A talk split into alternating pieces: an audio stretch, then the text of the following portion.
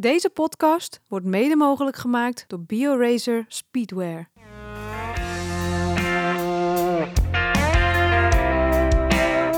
Welkom bij de Courage Podcast. De podcast waarin voormalig professioneel wielrenster Vera Koedoder op zoek gaat naar de verhalen achter de topprestatie. Met courage. Maar nu speciaal over de koers. In deze reeks doet ze dat samen met voormalig professioneel wielrenster Roxane Kneteman. Vera en Roxane zien af. Na alle belangrijke wedstrijden van het vrouwenwielrennen voorzien zij jou van een nabeschouwing. Met enthousiasme en het hart op de tong. Veel luisterplezier. Nou, hallo allemaal, beste mensen. Voorlopig de laatste aflevering van de reeks nabeschouwingen van het vrouwenwielrennen. Van alle belangrijkste koersen die we dit voorjaar hebben gehad. Met een beetje weemoed toch wel hoor, want uh, ja, ik kan me eigenlijk niet voorstellen dat het de komende tijd rustiger wordt. Nou, als ik in de spiegel kijk, Vera, dan, uh, dan, dan denk voor... ik wel dat voorjaar gaat me niet in de koude kleren zitten. nee, hier nog eentje. We hadden net even een fotootje gemaakt hè, van ons uh, beeld, hè, want we kunnen elkaar natuurlijk zien. En toen uh, dachten we wel van oelala. Maar goed. Oelala. Ja, daar gaan we weer, Rox. Um, dat is voor onze Belgische fans natuurlijk af en toe, dat Belgisch er doorheen. Ja, dat doen we. Het is de Courage ja. podcast, hè. Courage ja. is een Vlaamse wielerterm. Dus, uh, welkom allemaal weer bij de elfde aflevering. Uh, de tiende Women's World Tour wedstrijd die we weer gaan nabeschouwen met het hoofdonderwerp Luik, Luik van de Courage podcast. En um, ja, voordat we naar dit hoofdonderwerp gaan, Rox, even om te beginnen. Hoe was jouw week? Want we hebben natuurlijk afgelopen week nog Waalse Pijl gehad. En dit weekend, hè, jij zat gisteren bij um, de NOS met Herbe Dijkstra. Heb jij de wedstrijd uh, co-commentaar gegeven van de vrouwen. Uh, ik zat uh, bij de ASO in, in Luik voor de VIP Hospitality. Dus nou ja, we kunnen nog wel eventjes vertellen hoe dat allemaal was. En je zat in Borselen. Maar laten we even beginnen met ons debuut van de Courage podcast op de Belgische televisie. dus ja. wij werden getipt via Twitter, via Peter van der Veen. Peter van der Veen. Kijk je wel eens extra tijd koers, uh, Vera? Nee, want dan lig ik s'avonds te slapen. Dan ben ik in slaap gevallen uh, bij... Uh... Ja, of misschien door extra tijd koers dat je in slaap valt. oh, die is pittig. Oeh, nee. sorry, sorry, sorry, Belgische fans. Sorry. Ja, nee, nee dat, dat neem ik even terug. Nee, ik vind het een maar leuk programma. Maar ik had het dus eigenlijk nog nooit gezien. Sorry, wat? Nee, ik vind het echt wel een leuk programma. Maar het is voor mij meestal een beetje te laat. Ik ben dan met, met spitsuur bezig, met de kinderen op bed doen en zo. En dan soms kijk ik het nog wel eens terug. Meestal als er een leuke vrouwelijke gast uh, aan is geschoven of gewoon, of gewoon leuke gasten. Maar uh, ik hou het op de een of andere manier niet echt altijd in de gaten. Ik moet zeggen, ik heb wel eens afleveringen van Extra Time Koers uh, die ik dan wel op had genomen en dan uh, terug heb gekeken. Bijvoorbeeld ook met de Tour of zo, of in aanloop naar de Tour of in aanloop naar het seizoen of zo. Dus soms krijg ik wel eens een tip van mijn vader, want mijn vader kijkt dus wel altijd. Die, en die houdt het ook echt bij wanneer het allemaal is. Want ja, ik weet gewoon echt eerlijk gezegd niet wanneer het allemaal wordt uitgezonden. Um, dus soms krijg ik een tip van hem. Of, of ik lees het ergens anders. En dan ga ik wel even terugkijken. Dus, maar, maar nu ik wist niet eens dat er een uitzending was. Maar we werden dus getipt door Peter van der Veen. Hè. Uh, Dankjewel, Peter. Nogmaals dank. Groot liefhebber van het vrouwenwielrennen. Uh, superleuk hoe hij, hoe hij altijd uh, begaan is. En ja, heel fanatiek volger. Dus hij zei van, nou, de Courage podcast, die gaat nu wereldberoemd worden. Dus de volgende morgen zag ik in één keer zo'n stijgende piek in luisteraars. Dus ik dacht, huh, zal die dan...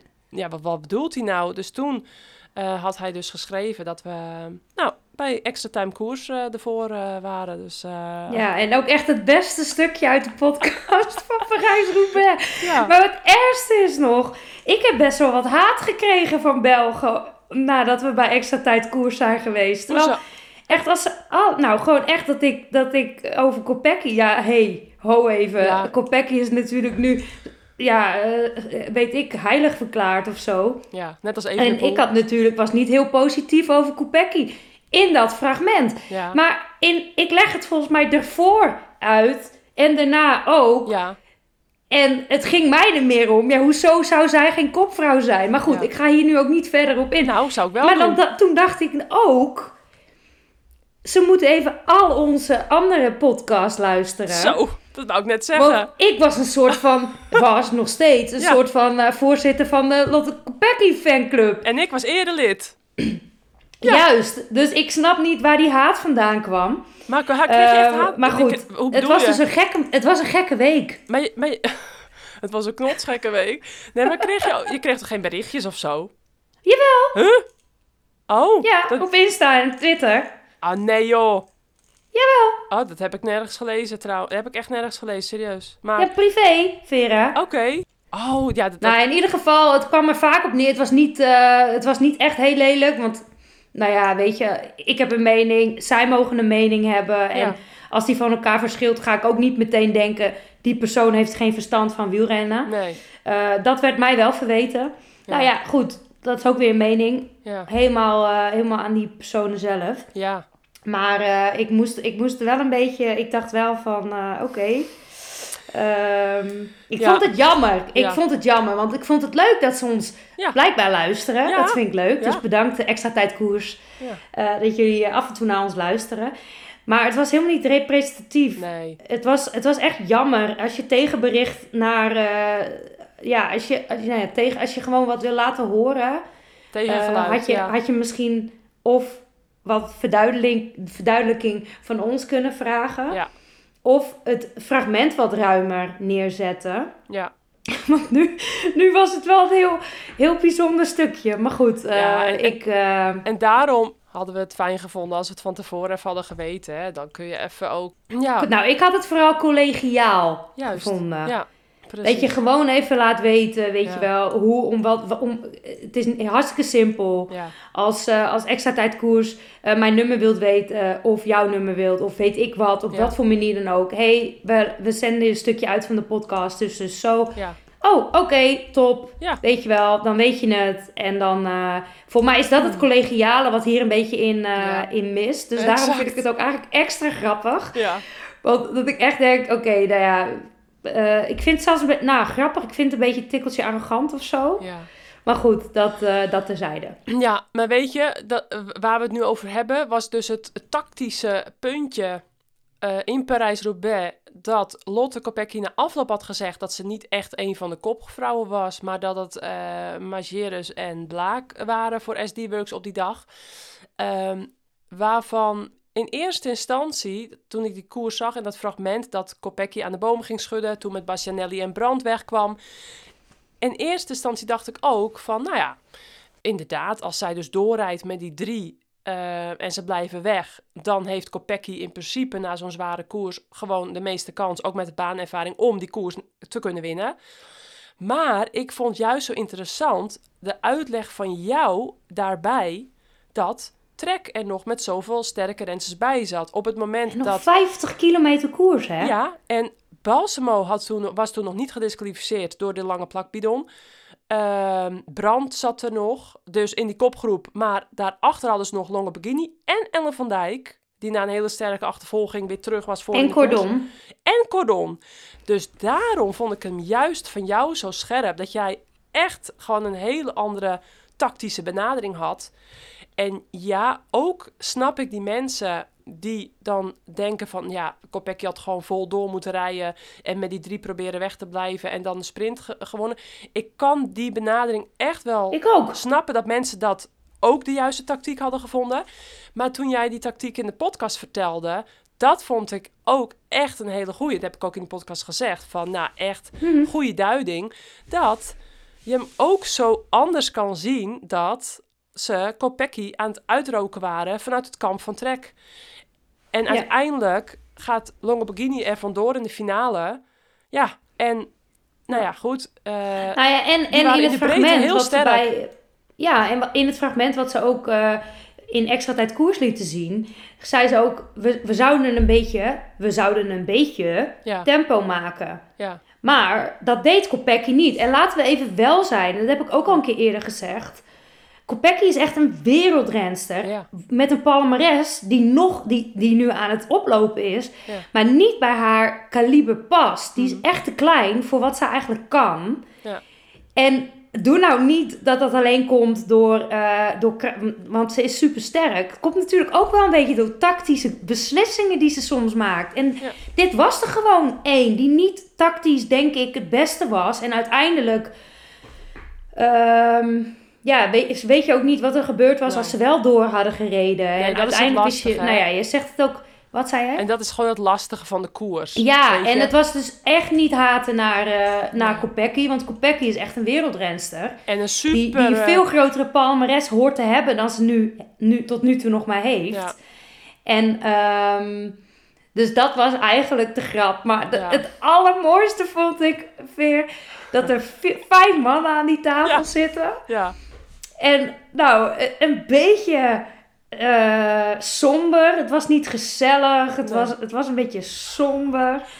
En die dan dus dat fragment van mij te horen krijgen. Nou, dan denk ik al, oh my god, wat denken die mannen niet? En dan, uh, dan zegt José de Kouwer, waar ik echt bewondering voor heb, hè. Ja. ja, maar ja, ze is toch ook teruggepakt? Dus dan, wat maakt het dan uit? Ja. Huh? wat? ik snap het niet. Ik, zeg, ik, ik dacht ook echt, ik snap het niet. Ik heb er een beetje om moeten lachen. Ik denk dat wij die extra time koers aflevering wel op wat kunnen fleuren. op hadden kunnen fleuren. Ja. Absoluut. Denk ik. Ja, dan zijn wij, dan zijn nou, wij niet... ook Vera, ik denk echt dan... Hè, daar zijn wij niet te bescheiden voor. Nee, maar ook, oh man, die kunnen ons niet aan, joh. Nou, nu zijn ze kunnen ons niet aan. Na deze uitspraak zijn ze bijna verplicht om gewoon eens een keer gezellig gewoon een, uh, een 0.0... Uh, ik zou wel een keer een kopje koffie met Ruben willen drinken. S'avonds aan tafel een 0.0'tje. En, ik had zijn Instagram bekeken. Ja. Want eigenlijk, ja, ik wist wel dat hij dat deed, maar ik heb zijn Instagram bekeken. Hij heeft hele leuke honden. Ah, nou, hey. Dus we hebben wel een soort van iets wat we misschien gemeenschappelijk leuk kunnen vinden. Ik hou ook van honden. Nou, komt dat even mooi uit. Dus. um, um, wat we nog uh, niet moeten vergeten te vertellen was dat afgelopen week. hey, ik bedoel, Sportza heeft ons wel even een, een, handje geholpen met onze ranking. Want we begonnen super Dank je, Ruben. Ja, we moeten ze eigenlijk echt gewoon bedanken. Stiekem. Kijk, we begonnen hartstikke hoog. Uh, we hebben elf afleveringen gedaan. En, uh, en ja, we, iedere keer kwamen we steeds alweer hoog. Maar nu, afgelopen week hadden we toch een recordje. We waren zestiende in de Belgische ranking met de Courage podcast. Na Roubaix en Waalspijl. Uh, zeg maar uh, na afgelopen, hè, want de aflevering was afgelopen donderdag en vrijdag bij Extra Time Koers. Dus daarna een lekker piekje gehad. Plek 16, hey, van alle podcasts in België. Nou, vond ik toch netjes. En ook in ja, Nederland. Ik, ik, uh, ik, ik, ik, dank, ik ben ze eeuwig dankbaar. ook in Nederland zaten we weer uh, zo rond plek uh, bij de top 40. Dus was maar heel veel Nederlanders kijken extra time koers, hè? Precies. Dus ook bij de eerste 40 in de ranking. Dus er was wel weer een klein hoogtepuntje in, in deze reeks die we hebben gedaan. Met Vera en Roxane zien af. Even kijken, Rox. Wat ik ook zeker niet onvermeld wil laten. De omloop van Borselen.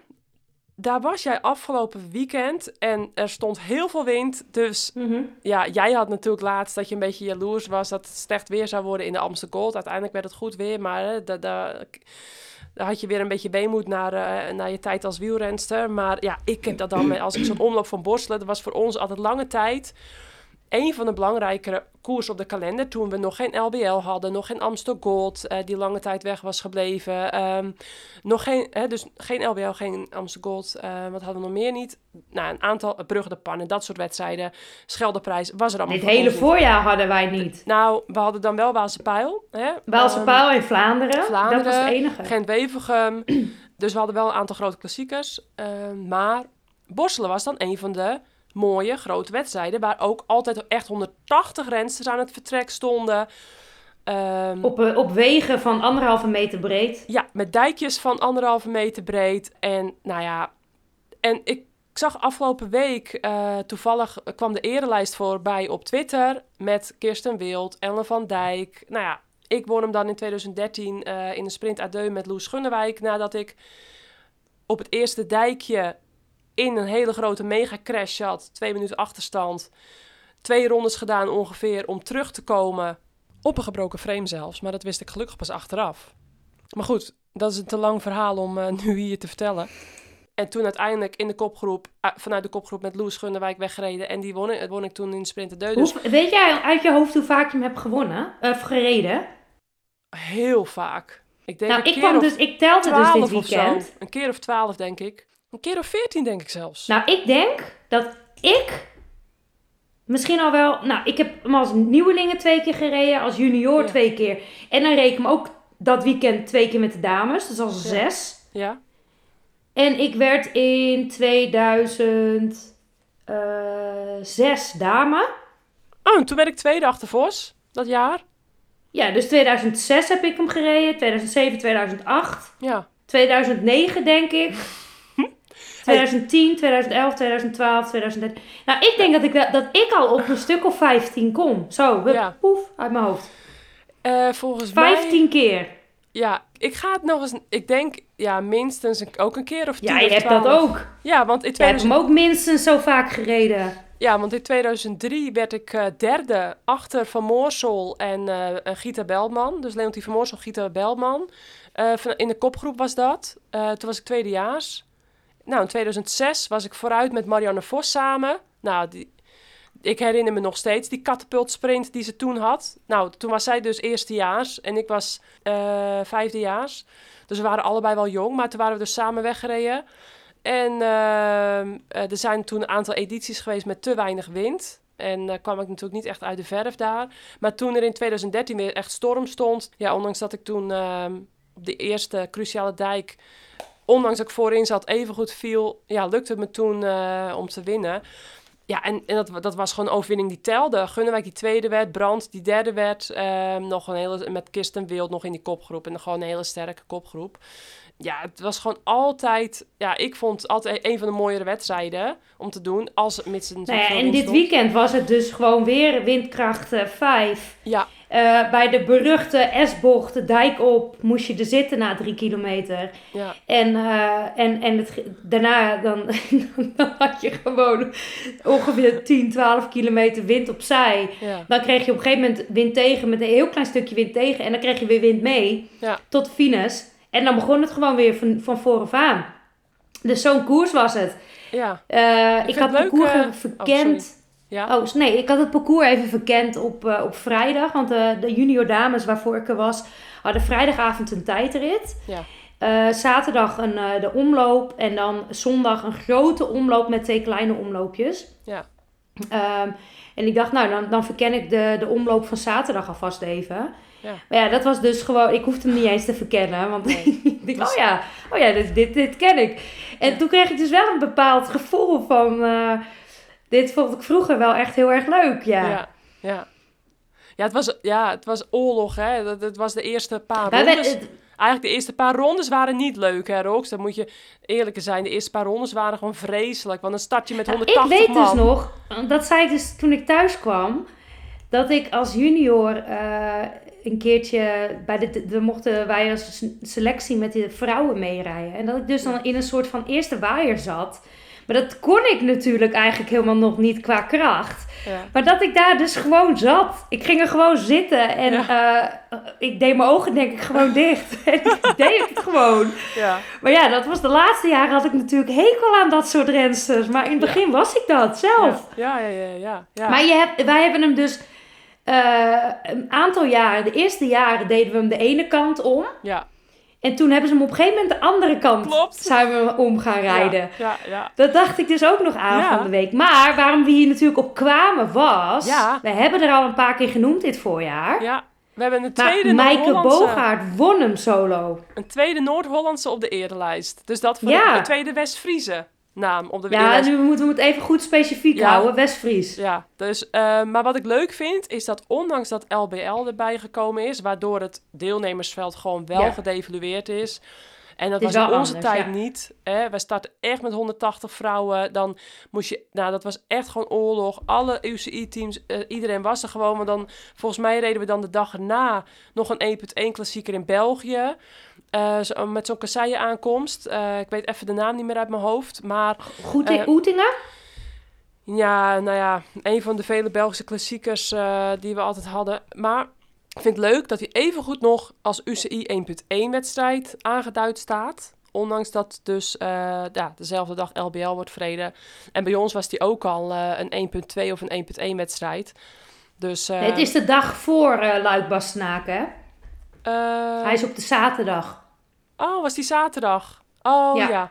ja. precies. Maar ja, goed. Um... Nee, maar het is waar hoor. Maar het was ja. zelfs zo dat, dat natuurlijk, het was altijd Waalse pijl. En dan had je die, die tijdrit op vrijdag. Want ja. de junior dames doen een driedaagse. Maar de, de elite die doen dan een tijdrit op vrijdag. Ja, organiseren. En die staat dan los van ja. Uh, de wedstrijd. Het zijn twee aparte wedstrijden. Ja. Maar zoals Audrey Cordon ja. Die, die rijdt dan de tijdrit op vrijdag. Leuk hè? En uh, die zou dan eigenlijk met de selectie op zaterdag borstelen rijden. Ja. Maar volgens mij stond ze nu bij een Luik, Bastenaken Luiken aan de start, toch? Oh, dat weet ik niet.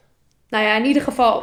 Maar dat, uh, dat soort rensters komen dan dus wel naar borstelen. Die besluiten dus na uh, hun voorjaar dus, dus in borstelen Ja. die tijdrit nog te rijden. De wedstrijdkalender is natuurlijk vol genoeg. Ja, maar er zijn heel weinig tijdritten. En ik denk dat zij toch Mhm. met het oog op, op een aantal etappekoersen of eh Frans kampioen. Als je het gewoon heel erg leuk vindt. Zoals Ja. Cordon is eh, Frans, kampioen. Ja, Nou ja, dat is natuurlijk super leuk om in die trui te rijden. Maar borstelen, echt even alle pluimen richting borstelen. ja. Ehm, ze organiseren het al die- jaren, hè? Ze Ja. organiseren het al jaren. Dat bedoel ik. Ze hebben echt een hart voor het vrouwenwielrennen. Echt al super lang. Want we hebben het natuurlijk ook al een keer in een andere podcast over Drenthe gehad. Maar borstelen is ook echt zo'n wedstrijd die, die, die gewoon eh, Ja, altijd wedstrijden organiseert voor, voor het vrouwenwielrennen. En echt al jarenlang. ja. En eh die juniorenkoers, die was echt goed geregeld, joh. Ja. Dat eh petje af. Leuk, hè? Echt een internationaal deelnemersveld. En heel veel rensters, die komen ook echt van heinde en verre naar die juniorenkoersen, hè? Dus eh, daar staat eh, echt eh Borstel ook bekend om, al jaren, dat het echt een zo'n graadmeter Nations is. Cup, hè? Ja, het is echt voor heel veel eh, bondscoaches echt een graadmeter hè, voor WK-selecties in borstelen. Want wat je vaak ziet, is dan wie er in borstelen bij de junior vrouwen goed rijden in de tijdrit. Die zie je allemaal op het EK en WK, ook allemaal bij de voorste.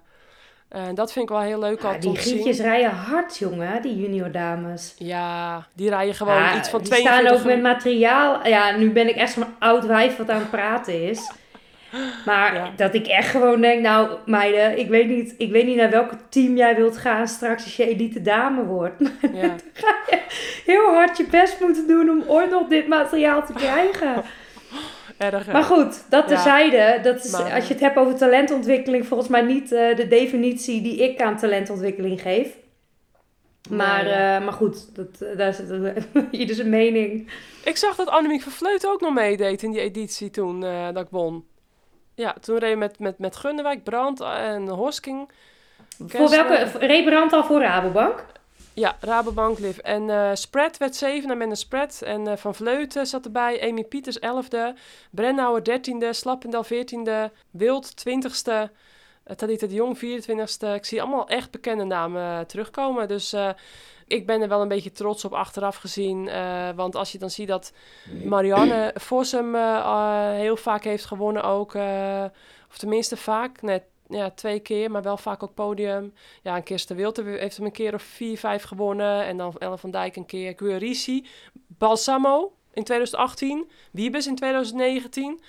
Chloe Hosking wordt hem ook in 2014, zie ik. Dus ja, nee, het is gewoon leuk. Hè? In 2020 en 2021 door corona konden ze hem niet organiseren. Nee. Maar heel blij dat gewoon deze wedstrijd er, eh, er weer bij staat. Want het is al sinds 2002. En ehm, ja, wat ik zeg, ehm, ja, even alle credits voor, voor hun. Dus ehm, ze laten zich niet eh, wegpesten door eh, het weekend van eh, LBL, waar gewoon veel grote ploegen eh, met hun sterkste selecties naartoe trekken. Dus dat hebben we even doorgenomen, Rox. Ehm, En dan gaan Dan- we nu aan, eh, tijd voor aan de slag met eh, LBL, hè? LBL. Luik, Luik. Jij hebt er niet gereden, toch? Drie keer. Heb je er ook gereden? Toch nog Ja, wel? hallo. Ik ben Ja, volgens oh ja. 25ste geweest. Ehm, ik wou net zeggen, want gisteren kreeg ik dus een vraag van een van mijn gasten, in de, in die, eh, waarmee ik op pad was de hele dag. En die vroeg, heb jij hem ook gereden?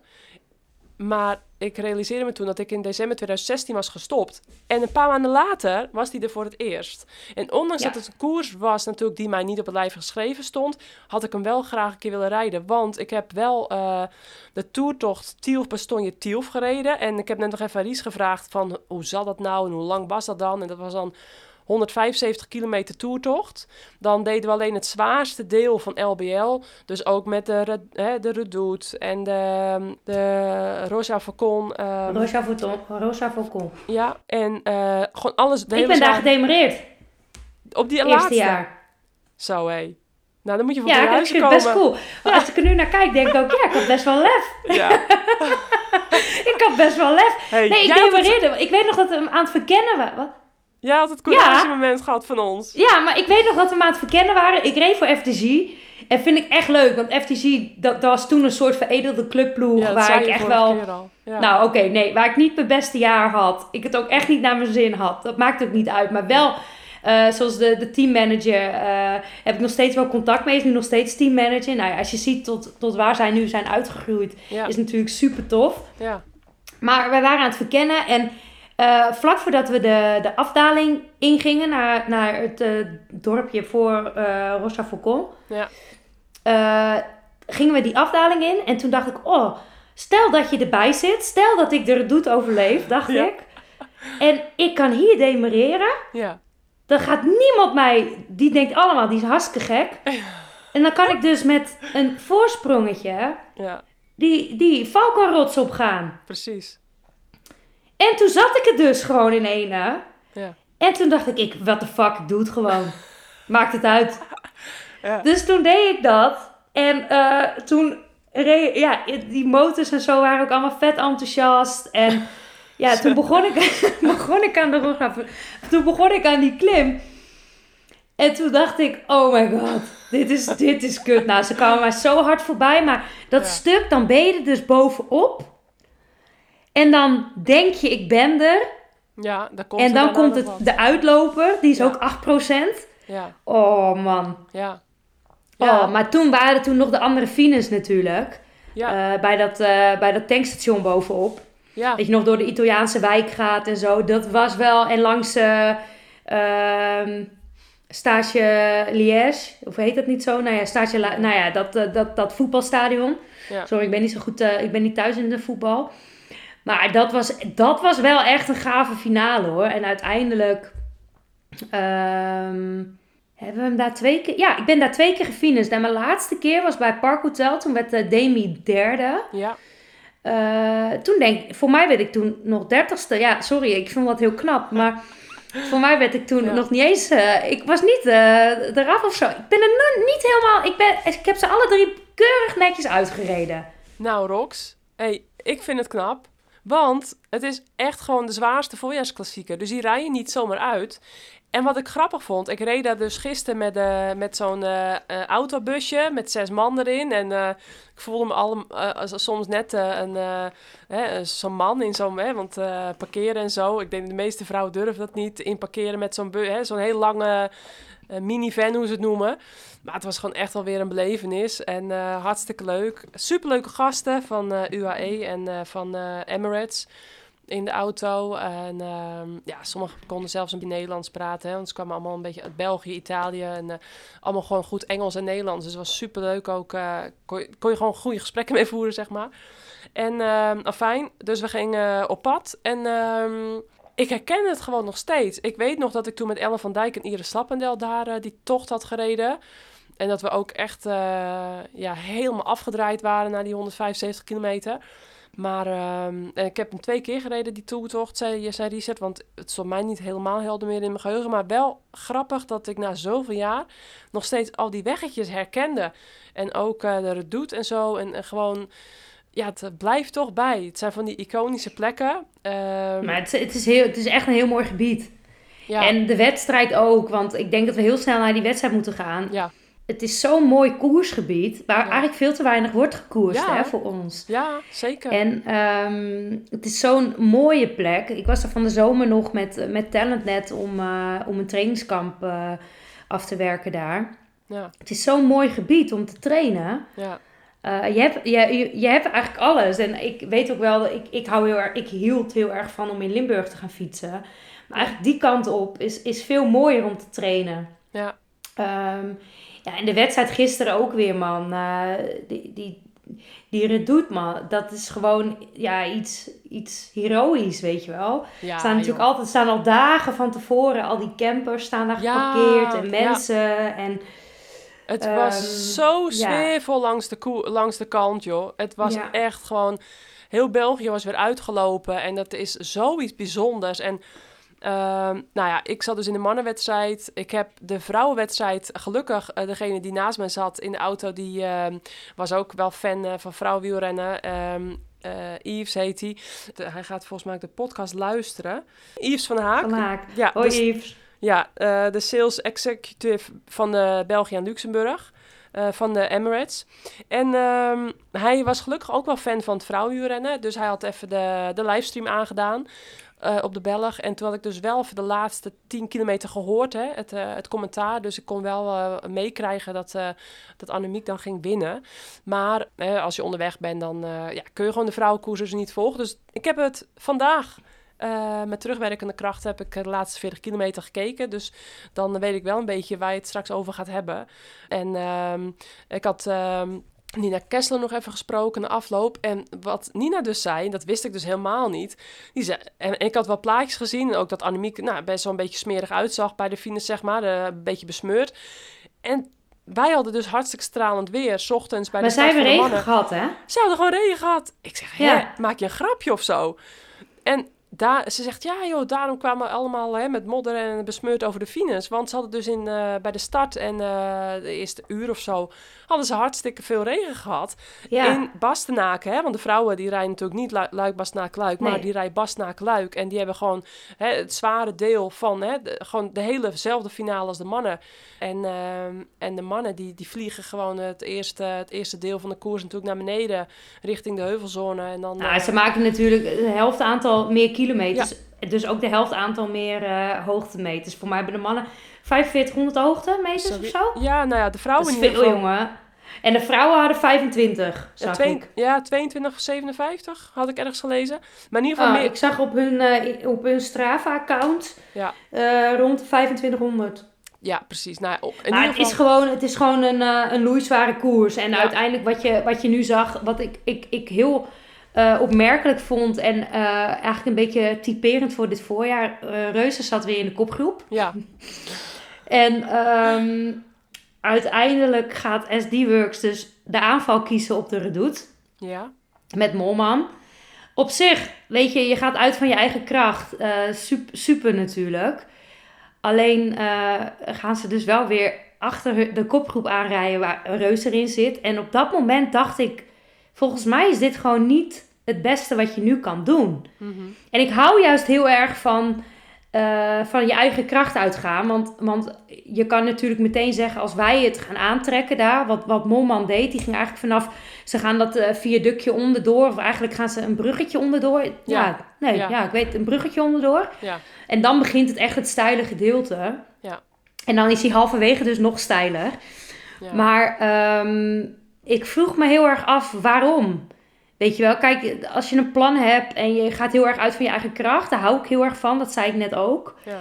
Maar je, je maakt het dus wel in het voordeel voor Van Vleuten natuurlijk. Ja.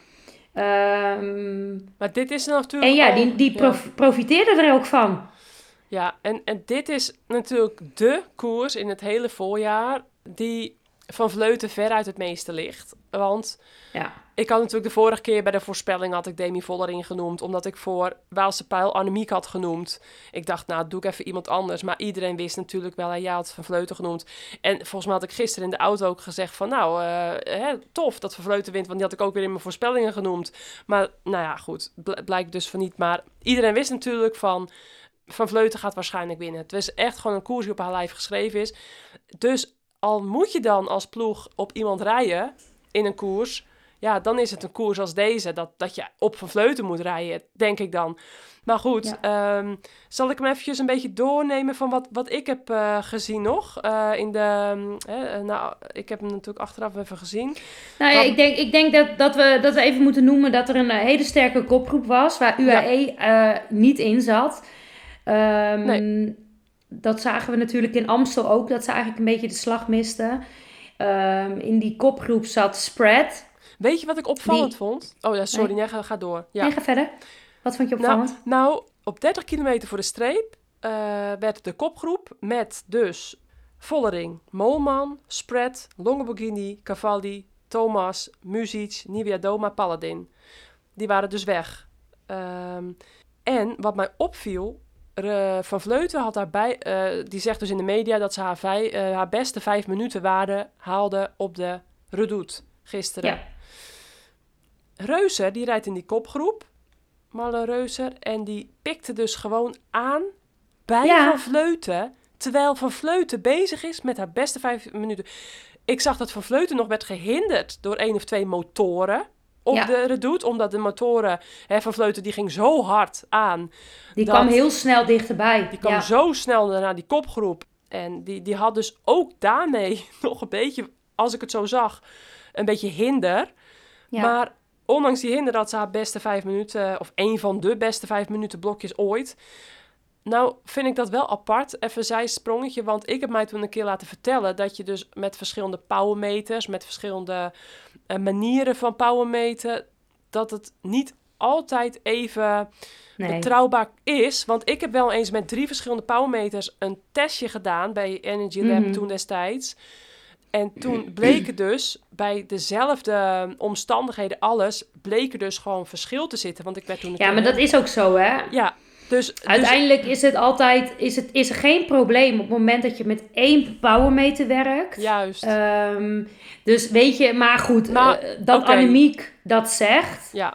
uh, zegt wel echt iets over haar vijf minuten daar Tuurlijk. op de redoute. Tuurlijk, maar, en, het, um, ja. maar waar ik dan wel benieuwd die zegt ben... ook in het, in het interview met Han Kok voor de start...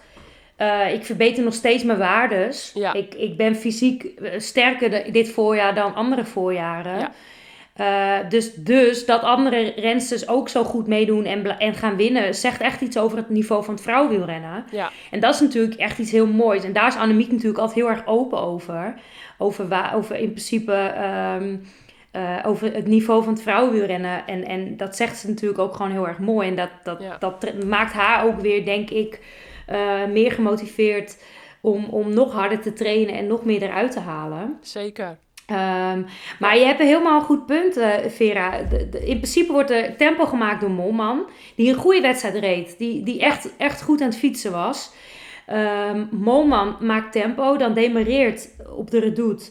Dan, dan zijn ze eigenlijk dat, dat gat naar die kopgroep uh, aan het dichten. Ja. Dan demareert Annemiek op het stijlste gedeelte, dat is halverwege Ja. de redoute.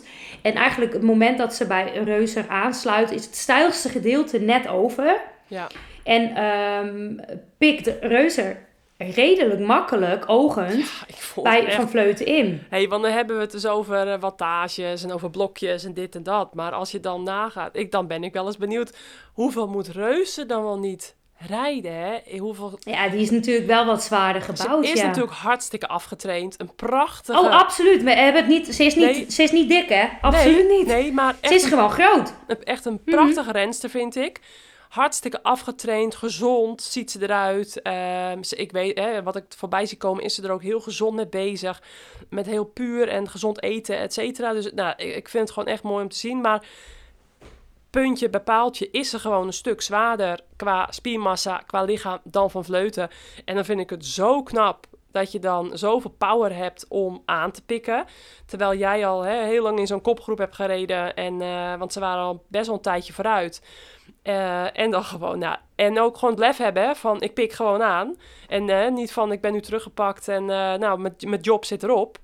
Maar goed, dat vond ik dus een heel opvallend puntje. En nou, vervolgens hebben dus Reuser en Van Vleuten een gaatje bovenop de redoute. Op die, dus die onder andere Vollering, Moman Spread, nou, wat ik net opnoemde, die kopgroep. Vervolgens op 22 kilometer, hè, want Reuser nam natuurlijk niet over, snap ik. Um, nee, en toen reed uh, SD Works er ook niet achteraan.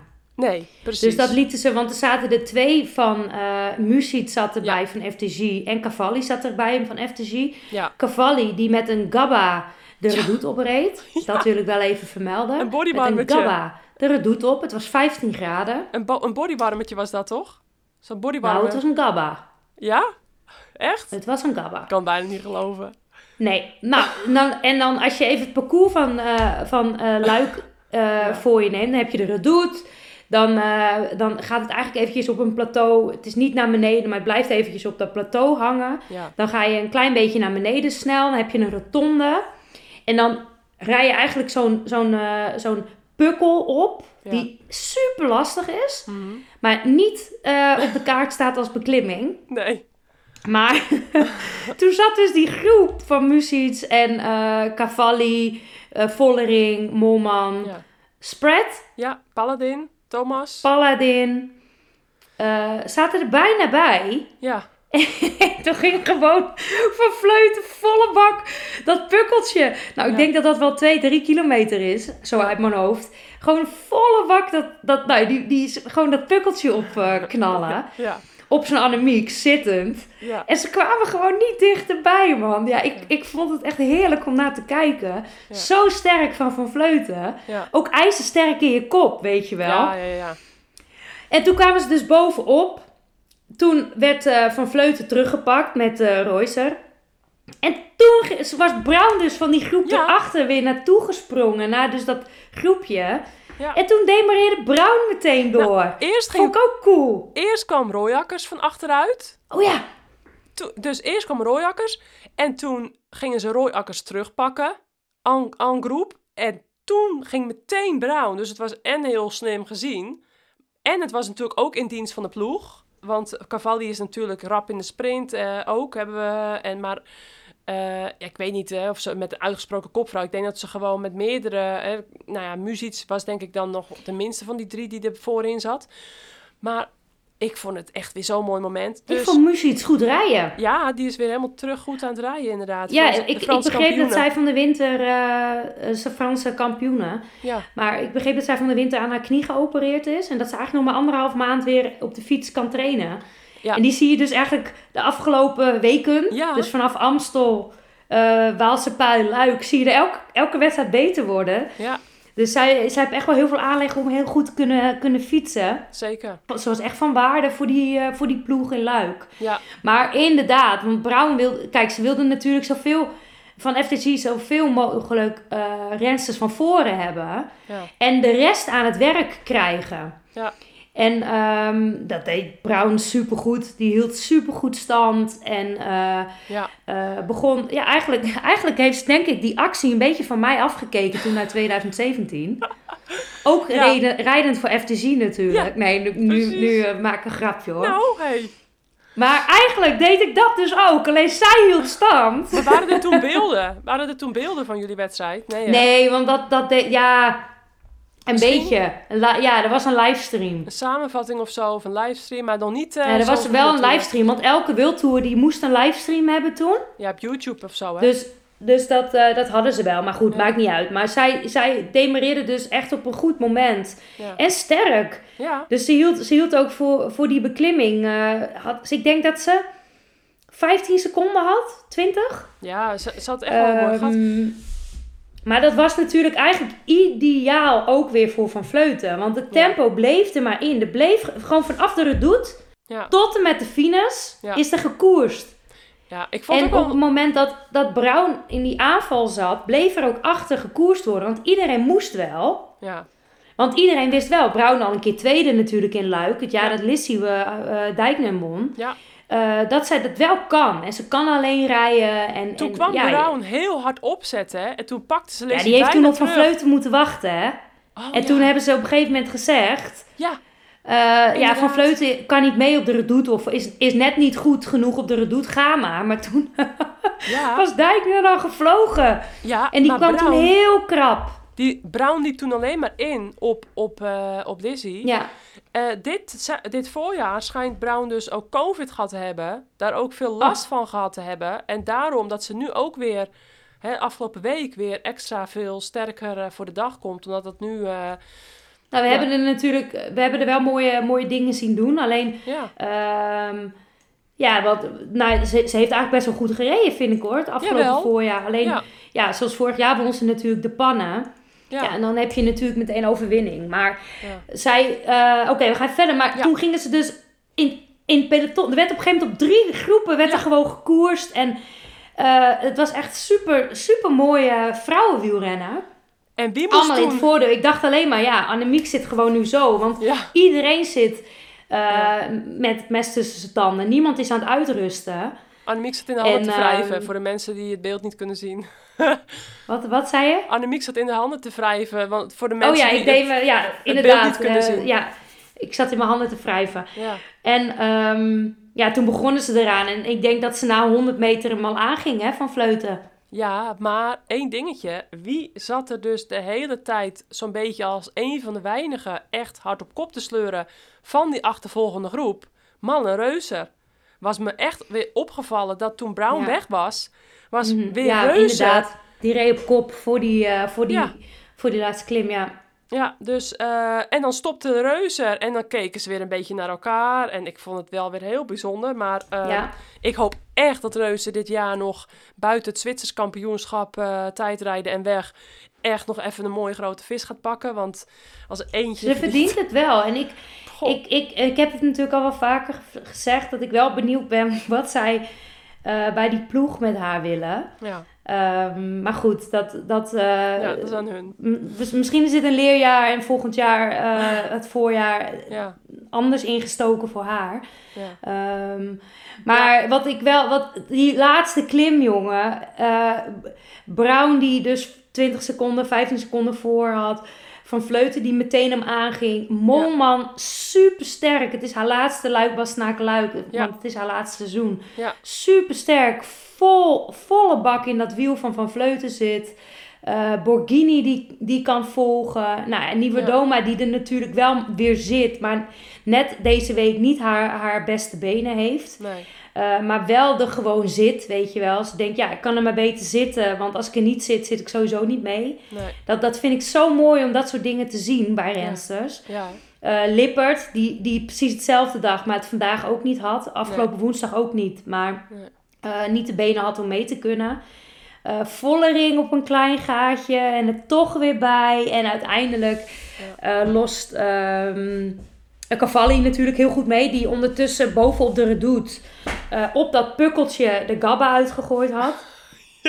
Um, ja. Dus toen dacht ik, nou, nu gaan we het hebben straks. Maar die kon ook uh, van Vleuten niet volgen. Nee. Ja, toen was het gewoon vrouw tegen vrouw. En um, de laatste wat ik echt kilometer. sterk vond van, van Vollering was dat ze eigenlijk uh, niet mee kon. Nou ja, niet, niet mee kunnen is een groot woord, maar een gaatje moest laten. En dan toch weer op zo'n beklimming die echt zo lastig is, haar benen weer vindt. Mm -hmm. En toch een beetje die achtervolging gaat, gaat leiden in eerste ja. instantie. Ja. Maar vervolgens eigenlijk weer uh, de, de achtervolging uh, weerhoudt. Want, als, want dan stopt ze met meerijden. Ja. Weet je wel? Op een gegeven moment rijdt iedereen. Dus we zijn alweer bovenop. En uh, ja. we hebben dat vals platte uitlopen van 8% al gehad. Waar het echt vet veel wind op de kant was. Uh, waarvan Vleuten echt in het nadeel was. Ten, ten opzichte van, ja. van het groepje erachter. Ja, want het is allemaal tegenwind. Allemaal tegenwind. En het groepje erachter die kon dan nog bij elkaar schuilen. Ja. Um, dus, dus het was super sterk wat Van Vleuten daar liet zien. Ja. En ijzersterk uh, ook in het hoofd. Ja. Um, en Vollering op een gegeven moment dus besluit, of ik weet niet, om te stoppen met rijden. Uh, eigenlijk op het moment dat ze de afdaling in willen gaan. Toen 15 seconden. Ja, precies. Ja, en toen ging Cavalli natuurlijk ook niet meer rijden. Nee. En zo nee. kreeg je weer helemaal rumoer in, die, in dat groepje. En, en toen dacht ik, en, en eigenlijk een beetje gefrustreerde Vollering zag je. Terwijl ik dacht, ja, wat, wat denk je nou? Dat, dat A, uh, iedereen zit, zit, zit gewoon op zijn limiet. Ja. Maar op het moment dat dan één stopt met rijden, dan krijg je meteen natuurlijk, ik stop ook. Dat ja. is gewoon heel natuurlijk. Ik weet ja, niet, dat, dat is niet omdat je het wilt, maar dat is een natuurlijke reactie. Ja, ik vond het inderdaad, wat je zegt, heel opvallend. Uh, met 14 kilometer te gaan ging dus van Vleuten vol onderaan hè, aan. Gaat um, een paar honderd meter later, nadat ze volle bak aanging, erop en erover bij Brown. Nou, en sinds dat Annemiek toen weg was, klein gaatje had, dat heel klein beetje, steeds beetje beetje uitbreiden. Ik vond gewoon dat ze net allemaal niet, de samenwerking was het gewoon allemaal net niet. Daarachter, de hele tijd. Terwijl het gat van Vervleuten, ik, ze konden daar, haar heel vaak, bleven ze haar zien rijden. Het was ja, wat was het? Um, ehm, 10, seconden, 15 seconden, 18 seconden, 15 seconden. Ja, en met en, 10 en, kilometer en, te gaan. En dat is... Met 10 kilometer te gaan was het nog 19 à 20 seconden, hè? Ja. Hè, op Vollering, Cavalli, Longoborghini, Molman en Brown. Op die groep. Ja, en zij, zij waren echt in hun voordeel, want er was zoveel wind. Ja. Zij, maar dat zegt ook weer iets over hoe hard Van Vleuten reed. Ja. Want eh, iedereen zit daar natuurlijk gewoon op zijn limiet. Ja. En het is heel makkelijk natuurlijk nu voor ons te zeggen, ja, dan uh, formeer je. Maar iedereen heeft het zuur uit zijn oren hangen. Ja. Ook, van, ook van fleuten natuurlijk. Ja. Ehm, maar het was... Ja, en dan op een gegeven moment heb je wel door van, nou... Ehm, het gaat beslist worden daarachter voor plek 2. Hè? Dan, uh, dan gaat Van Vleuten winnen. En dan, maar wat, wat gebeurde er toen dan bij SD Works? Ging Moorman die sprint nou aantrekken voor Vollering? Ja. Vergat Vollering nou mee te gaan in Moorman de wiel?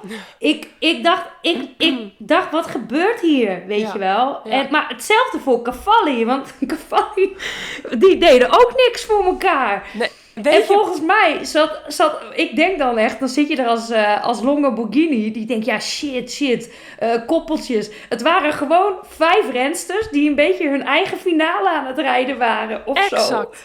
Ja. Want, ik snapte het niet. Nee. Weet je wat Richard zei ook? Die snapte er ook helemaal niks van. Die zegt van, waarom Ray Molman niet, en een van die van FDG, niet gewoon allebei volle bak 110 procent. Alles uit de broek. En dan um, gewoon echt zo hard volle bak achtervolgen op, gewoon op, het, op het stuk waar ze dus voordeel hadden op vleuten. En dan pff, gewoon eraf. Want waar we het nu over hebben, is dus allemaal met 14, uh, 10, uh, 5 kilometer te gaan. Dat we het hebben over een voorsprong van 10, 15, 20, max ja. 25 seconden. Dus die snapt, die zegt, huh? Je hebt dus gewoon een, een Brown of een Cavalli of een, of een Moman of een Vollering. En dan gaat echt niet Longoborghini in één keer met de winsten vandoor als ze dan van Vleuten terugpakken. Want als je dan één iemand nog mee kan hebben als eenling, dan is het Longoborghini wel. Want die wil altijd ook nog wel rijden. Hè? Die, die, gaat sowieso niet op de bagagedrager zitten en die doet ook wel de beurtje. En die gaat hun er dus niet afsprinten. Cavalli en Vollering, die hadden dan natuurlijk voor de winst kunnen gaan, in principe. Op papier. Nou ja, of Brown, want die had een goede sprint, man. Ja, precies. Misschien had Cavalli gewoon moeten zeggen: ik, uh, ik, ik offer me op. Ik heb twee... Maar uh... die sprint, ja. die sprint, ik heb hem gewoon teruggekeken. Omdat ik gewoon echt dacht, wat gebeurt hier nou? Ja. Wilde Vollering nou dat Molman tweede ging worden? Of dacht, Vol dacht Molman nou van achteruit, ik trek hem aan ja. voor Vollering? En toen kwam toch nog Brown net zo tussendoor en die werd dan tweede. Ik dacht, wat gebeurt hier nou? Ja, ja, ik, snapte er niks van. Ik Echt niet. Ik snapte het niet. Nee. En, en, en ik denk dat ze het zelf ook gewoon niet meer snapten. zo zag het er voor mij uit. Maar ja. het is natuurlijk heel makkelijk zeggen. Maar die sprint was zo raar. Ja, weet je uiteindelijk wint Van Vleuten dan met 43 seconden voorsprong. En hoe je het went of keert, het was natuurlijk super ijzersterk. En uh, gewoon de verdiende winnares. Maar dan, ja, nogmaals, ja, wat je zegt, helemaal met je eens. Ik snap het ook niet helemaal, die achtervolgende groep. Al had dat meteen vanaf het begin naar beneden op het vlakke tegenwind, een paar mensen opofferen, betere samenwerking. Dan had ik het nog moeten zien. En dat, dat was volgens mij gewoon niet helemaal. Of ze waren gewoon allemaal stikken dood. Hè? Want het was natuurlijk een loodzware koers. 142 kilometer, 7 klimmen tussen de 22 en 2500 hoogtemeters ongeveer. Gewoon, nou, het was gewoon loodzware koers. Dus wat dat betreft. Uh, en Ja, met een terechte winnares. Want, uh, en ook gewoon uh, mooi. Je moet het maar doen, hè? Ja, Ja, Want nou ja. kijk, het ziet er natuurlijk, het, het, weet je, Annemiek is voornamelijk heel erg bekend om, om haar harde trainen en eh, eh, de wil om zichzelf continu te verbeteren. ja. Maar voor mij is zij dus echt een renster die juist zo opvalt door haar lef. ja.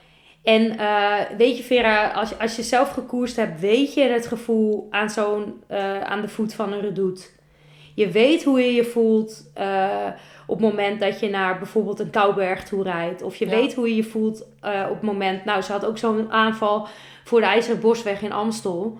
Je weet hoe je je voelt. Je wilt dat doen, maar die zenuwen en die twijfel en die stemmetjes in je hoofd die tegen je blijven zeggen... Nou, dit is echt, dit moet je misschien niet doen. Ja. Eh, om die zeg maar te overwinnen en het gewoon te doen op Ja. de redoute. En het vervolgens de, de, de finale beklimming gewoon weer te doen. ja. Alles of niets. Da- daar verdient ze bij mij zoveel respect eh, Ja. voor. Ja. Ehm, Zeker. en, en dat maakt dus echt dat, dat zij eh, gewoon zo terecht wint. Want niet alleen omdat ze de beste is, maar ook gewoon dat ze dat doet. ja. En de lef heeft om dat te doen. Ja, dat, dat, dat vind ik gewoon echt. Dat vind ik het mooiste om naar, naar te kijken. Als, de, als, als dat soort dingen. eh, bij de mannen zagen we natuurlijk even een pool dat doen. Ja, dat, is- dat vind ik mooi. Weet je, het, het gewoon Ja. maar doen. En, eh, en, en dan, Ja. als het dan ook nog met een overwinning eh bekroond wordt, is het natuurlijk helemaal geweldig. Ik hoor jou nu niet meer. Dus de verbinding was even weg. Maar wat, ik dus, wat jij zegt, net zegt eh, over Evenepoel. ehm het publiek, jongen. Ik stond dus daar eh, hè, met mijn gasten de finish te bekijken. Dus we hadden zo'n... eh, ja, je, hebt daar zo'n VIP-plaats. De Depart, toch? precies zoiets. hoe noemen ze het? Ze hebben een, een netter woord voor VIP's dan in, in het Frans. Ik, iets met eh invités. Nou, plaats de invités. Nou ja, maakt niet uit. Dus je staat echt bij, eh, ja, iets van 50 of 100 meter voor de finish. En er was dus de fanclub van, eh van Evenepoel. Dus die werden helemaal gek natuurlijk. En eh, dat was met een... muziek, alles erop en eraan, op de borden klappen. Nou, de fanclub van Evenepoel die was eh, luid en duidelijk aanwezig. Dus het was echt mega veel sfeer. en dat is dan toch een heel andere beleving, toch weer dan op tv hoor. Ik was al een tijdje niet bij Mhm. zo'n grote koers geweest. En dan is het zo'n eh, andere beleving, zo'n circus. Om dat van dichtbij dan even weer mee te maken. Dat was wel weer even leuk. Eh, maar... ehm, en natuurlijk een volledig Belgisch podium eh, bij de man. Hè. En dan- Ja, geweldig. Maar, maar, wij goed. hebben een vrouwenpodcast. ja, precies. Maar in ieder geval De mannen mogen, over geven... vrouwen, mannen mogen over mannen praten. Maar wat, en wat ik ook dus hè, ook op de beelden zag, ook bij de vrouwen al, eh, stond het helemaal dik gepakt met mensen bij de, bij de fines. Dus eh, ja, de sfeer was Ook daar op echt de beklimmingen, ook op de redoute, Ja. overal, weet je wel. Het was gewoon echt een mooie dag. Ja. En eh, met twee hele mooie overwin over, met, met twee hele mooie winnaars, zo moet ik het zeggen. Ja, zeker. En eh, diep, diep, diep respect voor, eh, voor wat Van Vleuten daar laat zien. En Ja. ja, eigenlijk gewoon de hele top, eh, top 15 vind ik heel indrukwekkend. Ja, zal ik hem even noemen? Ehm, nou ja, Van Vleuten 1, Grace Brown 2, Vollering 3. Ashley Moman, hè, dus wij, ze werden bij SD-Works 3 en 4, eh Moman 4. Elise Longoborghini 5, Marta Cavalli 6. Eh nou, Sierra, ploeggenoot van, eh van Vleuten, 7e. Goed hoor. Eh, Liane Lippert 8, Nieuwe Doma 9 en Menda Spread, die werd dan tiende. Pauline Royakkers 11e, heel netjes. En Ja. Juliette Labou eh, 12e. Dus dat was dan de eerste achtervolgende groep vanaf Sierra. Dat was een klein groepje met z'n vijven, wat dan op twee minuten achterstand binnenkwam. Dus je had eerst eh, nou, eh, de kopgroep, sorry.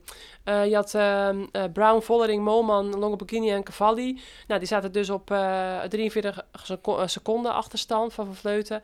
En dan dus de groep met Sierra, Lippert, Nieuwe Doma, Spread en Roy Akkers. En dan nog Labou. Nou, en dan het tweede achtervolgende groepje met Garcia. Die Mavi Garcia op drie minuten achterstand. Die werd dan dertiende. Koster, veertiende. De Ja. eerste van de Jumbo-Visma. Eh Paladin 15. Shirin van Anrooy 16e. eh Anne Santesteban 17e. eh Fisher Black 18, Kastelein 19 en Muzic 20ste. Ik sprak Kastelein nog eventjes bij de teampresentatie en die gaf ook wel aan echt broodnodig aan rust toe te zijn. Want die heeft natuurlijk een super lang seizoen met crossseizoen en dan nog het hele voorjaar er direct achteraan. Dus die uh, was wel aan rust toe. Maar daar gaan we zeker, ja, denk en datzelfde geldt ook voor uh, Van Androoy natuurlijk. Precies. Ja, maar in de Tour verwacht ik ook wel echt van Kastelein uh, wel mooie dingen als ze mee gaat doen. Tenminste, als die ploeg... Ik weet volgens mij mag die ploeg starten, maar dat weet ik niet zeker. Maar dan is het echt wel een renster die bij de langere beklimmingen denk ik ook nog wat kan laten zien. Ja, en ehm, als we dan even kijken naar het... Um, World Tour klassement na tien uh, World Tour wedstrijden, dan staat Kopecky op één. Uh, wel grappig dat hij dus na de, uh, ja, na de Ronde van Vlaanderen in, het, in de Belgische driekleur, toen pakten ze dus de leiding. Dus het was mooi uitgekiend. maar Kopecky dus op één. tweede Balsamo, drie van Vleuten, vier Cavalli, vijf Vollering, Molman, Longoborghini, Wiebes, Bastianelli en op de tiende plek Nivea Doma. Um, nou, dat is eigenlijk gewoon ja, alle namen die je er ook bij zag in het voorjaar. Dus wat dat betreft is het wel een goede representatieve lijst, vind ik. Als, het zo, uh, als ik het zo opnoem. Ja. Um, onder 23 heb je Van Androoy met 30 punten aan de leiding. Vijfde Georgie, tweede met 20 punten. Dan Fisher Black met 14 punten, 3. Dus dat ligt best wel behoorlijk al in de plooi. Uh, Bredewold vierde nog steeds en Burgström vijfde. Um, ik denk dat uh, ook wel even toe is aan rust. Ja, zeker. Want die heeft natuurlijk nog niet zoveel uh, wedstrijden gereden de afgelopen jaren. En dan in één keer zo'n volgepland... Ja, vol voorjaar hoor. En ja. weet je, als je daar goed mee omgaat, uiteindelijk ergens je rust pakt, dan word je er beter van. Ja. Maar dan moet ze wel even de rust ergens gaan, pak gaan ja, pakken. Gaat ze vast wel doen, denk ik. Ja. Dus, Roxane, het courage moment. Courage-moment. Oeh, ik vond hem lastig. Maar ik, voor mij was het courage-moment uh, de tweede aanval van Van Vleuten. Oké, Van Vleuten, ja.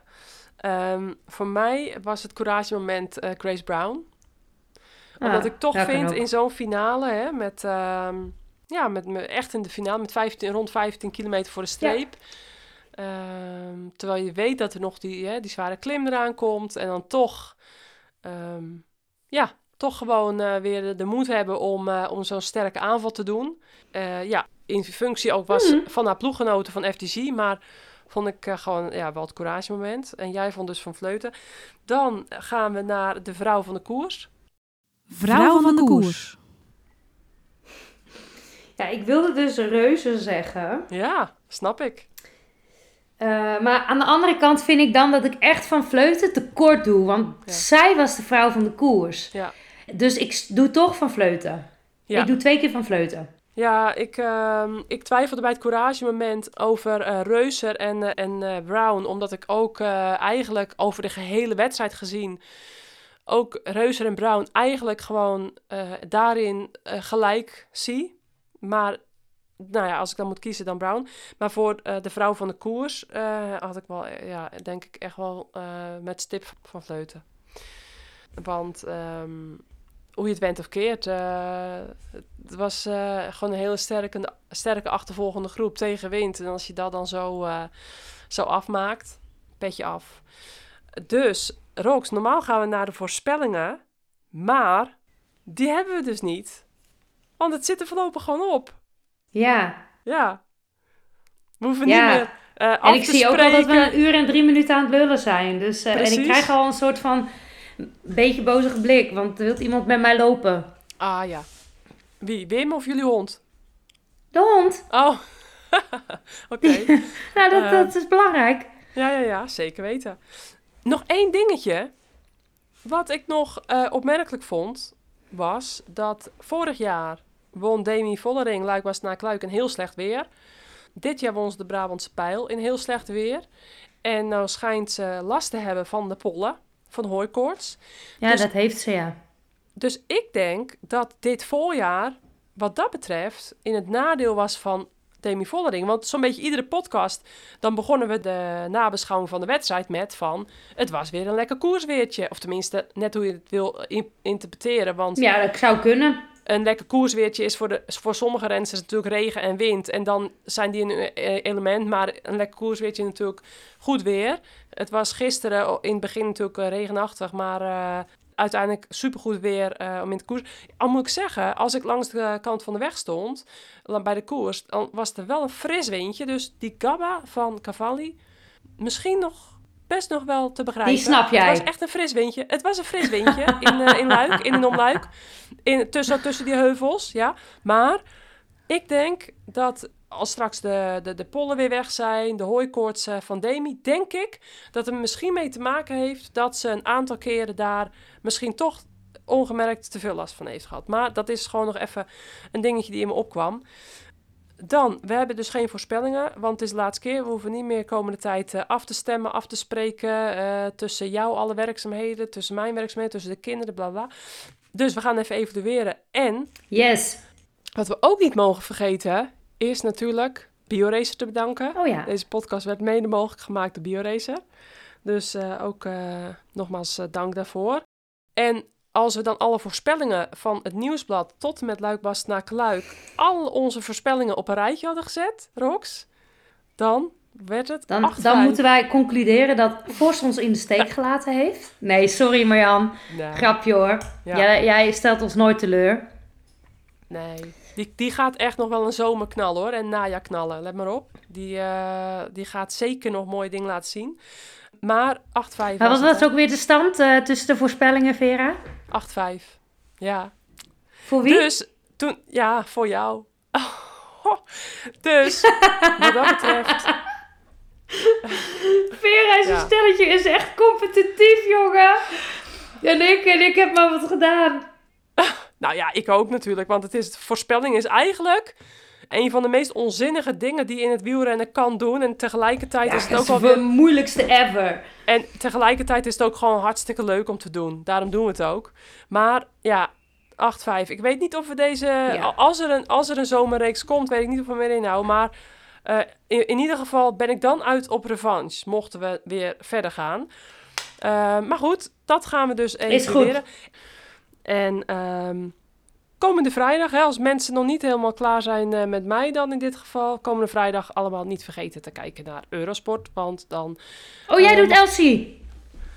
Ja, Elsie Leuk, Jacobs. Ja, dus dan, uh, dan mag ik uh, uh, Iris eventjes vervangen. en um, ja, officieel heet het de Ceraticiet Festival Elsie Jacobs. vrijdag is de proloog. En dan van half drie tot vier is het. Nou, dan, ik zet mijn wekker. om half drie middags. Dat moet vast lukken. ja, dus mag ik met Dick Stupler uh, mag ik, uh, verslag doen.